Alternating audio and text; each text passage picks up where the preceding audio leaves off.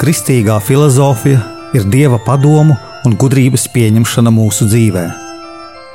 Mīlēt gudrību nozīmē mīlēt dievu, jo no dieva nāk patiesā gudrība. Raidījums Kristīgā filozofija.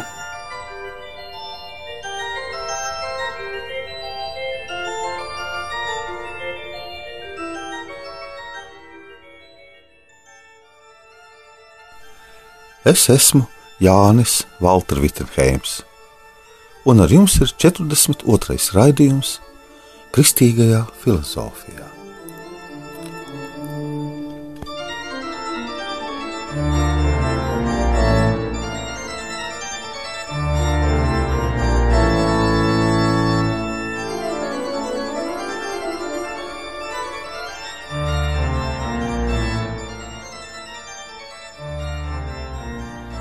Mēs, kristieši, ticam Kristum.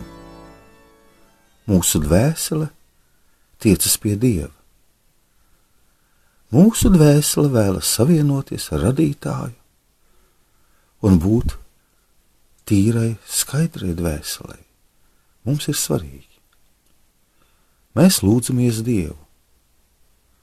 Lūgties vajag, lai nevis Dievs nedotu dzīvē pārbaudījumus, bet lai dotu spēku pārbaudījumus pārvarēt. Lai mēs spētu pārvarēt kārdinājumus un grūtības un turēties pie desmit baušļu ievērošanas. Ja mēs ejam pie Dieva, mums jāsaprot, mēs darām labus darbus, bet tai pašā laikā mēs darām arī sliktus. Mēs paši nevaram izpirkt savu grēku. Nav svarīgi, ka mēs sev nepiedodam. Svarīgi, ka Dievs mums piedod, kad mēs ejam pie Dieva, kad mēs virzāmies pie viena Dieva ar savu atvērto sirdi. Ja cilvēks tic, ka Dievs piedod, tad tiesas viņam nav. Viņš netiek tiesāts, jo tic, ka Dievs viņu netiesās. Dievs ir mūsu maize, kas mūs baro, kas baro mūsu garu. Ja Kristus dzīvo mūsos, mēs dzīvojam Kristu. Kas mīl savu tuvāko, viņā dzīvo Dievs. Mēs pieņemam svēto komuniju, lai dzīvotu kā Kristus. Ejot pie komunijas, mēs bieži domājam, ka ejam, lai labi dzīvotu. Nē, mēs ejam, lai dzīvotu kā Kristus, lai līdzinātos viņam, lai sekotu viņam un varētu būt pilnīgāki un stiprāki Dieva likumos. Mēs bieži lūdzam par veselību tad ne jau priekš mums, bet lai darītu labu citiem. Mums, protams, viņa arī vajadzīga, bet lai darītu labu citiem. Bet, izējot no baznīcas, citreiz atkal domājam, ka kārtējo reizi būsim vārgi un kritīsim grēkos.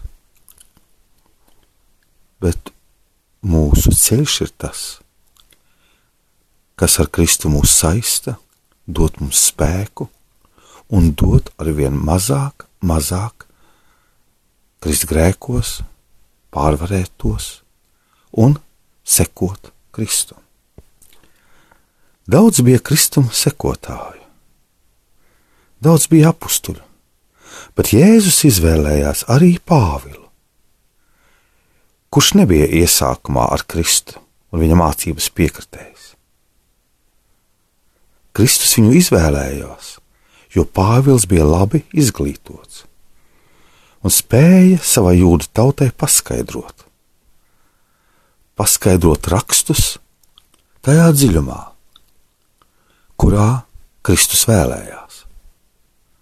Mums cilvēkiem arī ir vajadzīgas zināšanas, lai mūsu intelekts spētu pietvārties dziļumam, kas ir Kristū, lai mēs varētu pareizi domāt, tādēļ arī mums ir nepieciešama patiesības mīlestība, filozofija.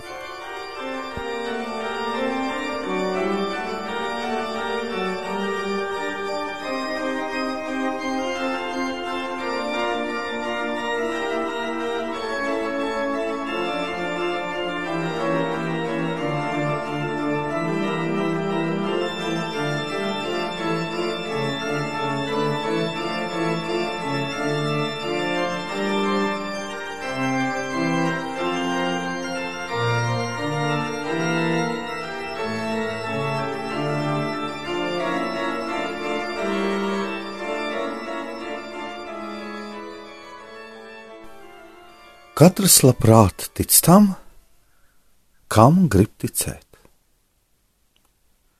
Tā esot sacījis Cēzars. Tā mēs ejam savos ticības ceļos, un bieži maldāmies, jo ejam savos ticības ceļos. Modernajā filozofijā jau sākot ar Dekartu, tas, ko mēs pazīstam, ir ideja. Reālisms to izlabo, pārlabo, ka mēs pazīstam ne ideju, bet lietu, par kuru mums ir ideja. Ideja ir līdzeklis, kas mums palīdz pazīt lietu. Tagad ir diena ko mēs pazīstam? Ideju vai realitāti? Realitāte. Tagad viena ideja, diena, otra ideja. Un kad mums ir šīs idejas, tagad ir diena, tad mēs nedalām dienas ideju. Mēs nedomājam par tagad ideju, bet domājam, tagad ir diena, par realitāti, par īstenību. Meklējot, ejot tālāk pārdomās, meklējumā par šo faktoru, mums ir jāsaka jā. Gan Dekarta uztverē, gan arī Kanta uztverē, Gnozioloģiskās uzmanības centrā atrodas cilvēks, doma. Tad vēlākā, modernā filozofijā tas pazuda. Tika sarauti sakari ne tikai ar pieredzi, ne tikai fenomenoloģiskās analīzes dati, bet arī sarauti sakari ar pašu domu. Pazuda doma, pazuda cilvēks. Domāšanas vietā nostājās cilvēks aktivitāte, cilvēks prakse, cilvēks pieredze. Utilitāriskā nozīmē, un tas ir marksisms. Vēlāk tas arī pazuda, un cilvēks doma, cilvēks prakse vietā stājās cilvēks taisnība. Taisnīgais cilvēks romantiskā nozīmē, un tā radās anseksuālisms. Šis bēdīgais stāvoklis mums neliek krist pesimismā, liek mums meklēt un liek uzsākt dialogu ar vienpusīgajām γνωσιολόγια.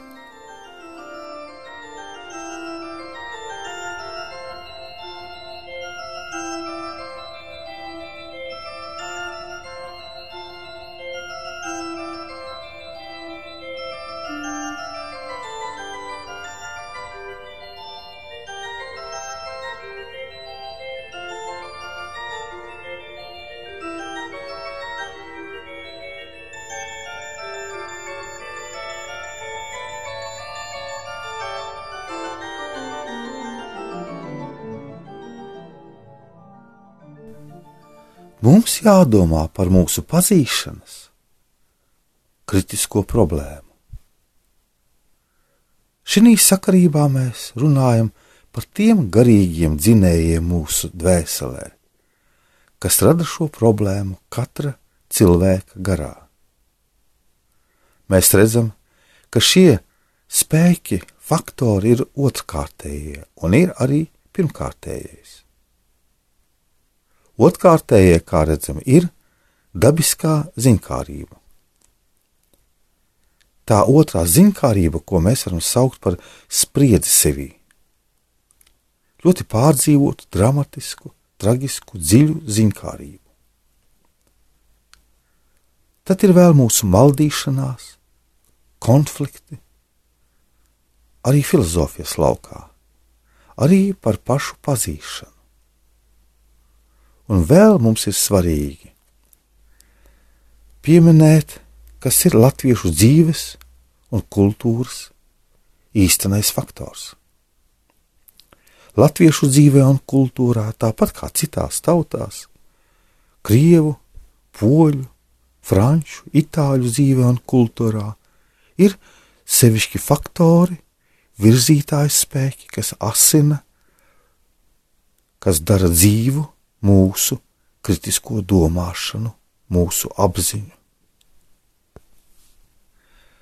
Mēs zinām, ka latviešu dzīvē un kultūrā mūsu zemē sākot ar 1940. gadu valdīja komunisms līdz pat 1990. gadiem, ar pārtraukumu, ko aizpildīja nacisms aptuveni četrus gadus.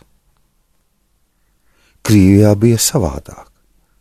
Tur kopš 1917. gada ļoti ilgi, vairāk kā 70 gadus, valdīja komunisms, marksisms.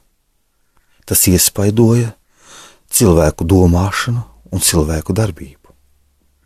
Marksisma idejas ir ietvertas dialektikā, materiālistiskajā un vēsturiskajā dialektikā.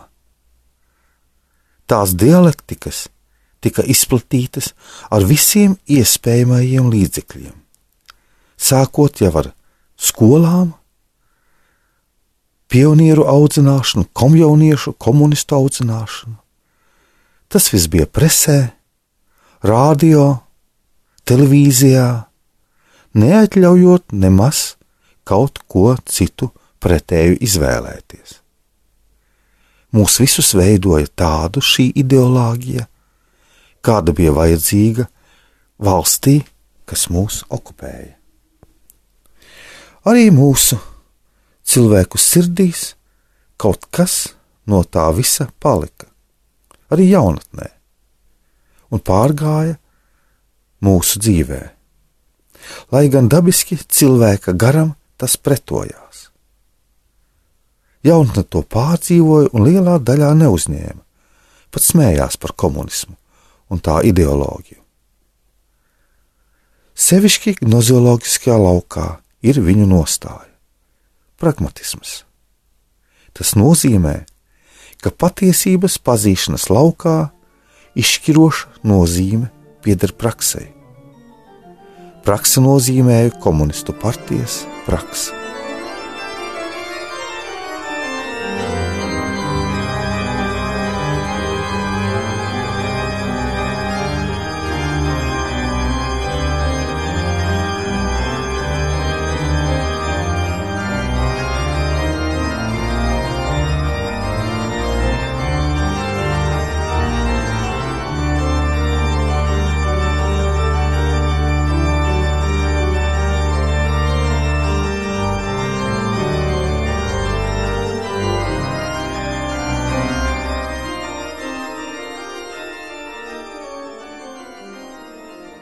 Latvijā, latviešu dzīvē ir ieviesies tā varētu saukt naturālisms,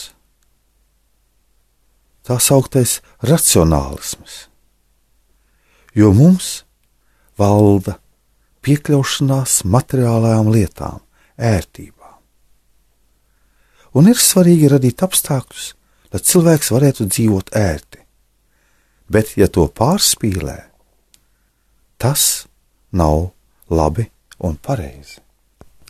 Latvieši tagad ir palikuši racionāli, saskaldīti, un viņu vidū, daudzu latviešu vidū, racionālisms ir izplatīts Imunēla Kanta formā.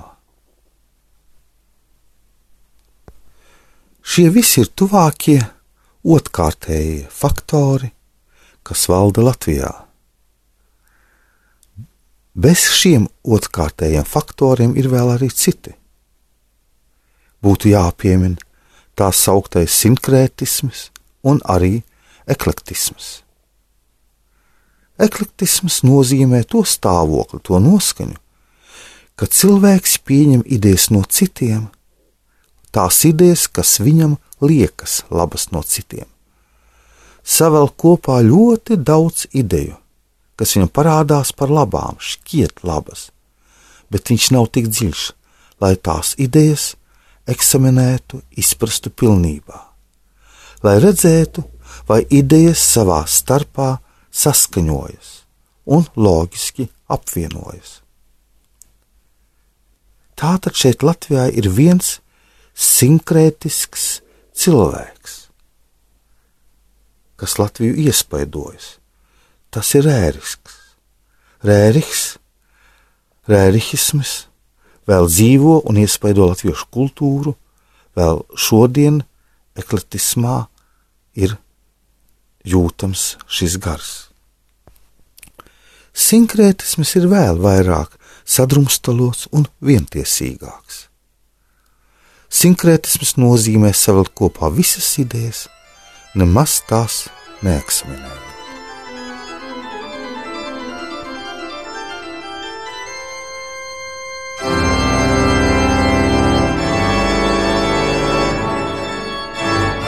Es esmu Jānis Valtra Vitsenheims, un ar jums bija 42. raidījums Kristīgajā filozofijā. Latvietis un viņa domāšana.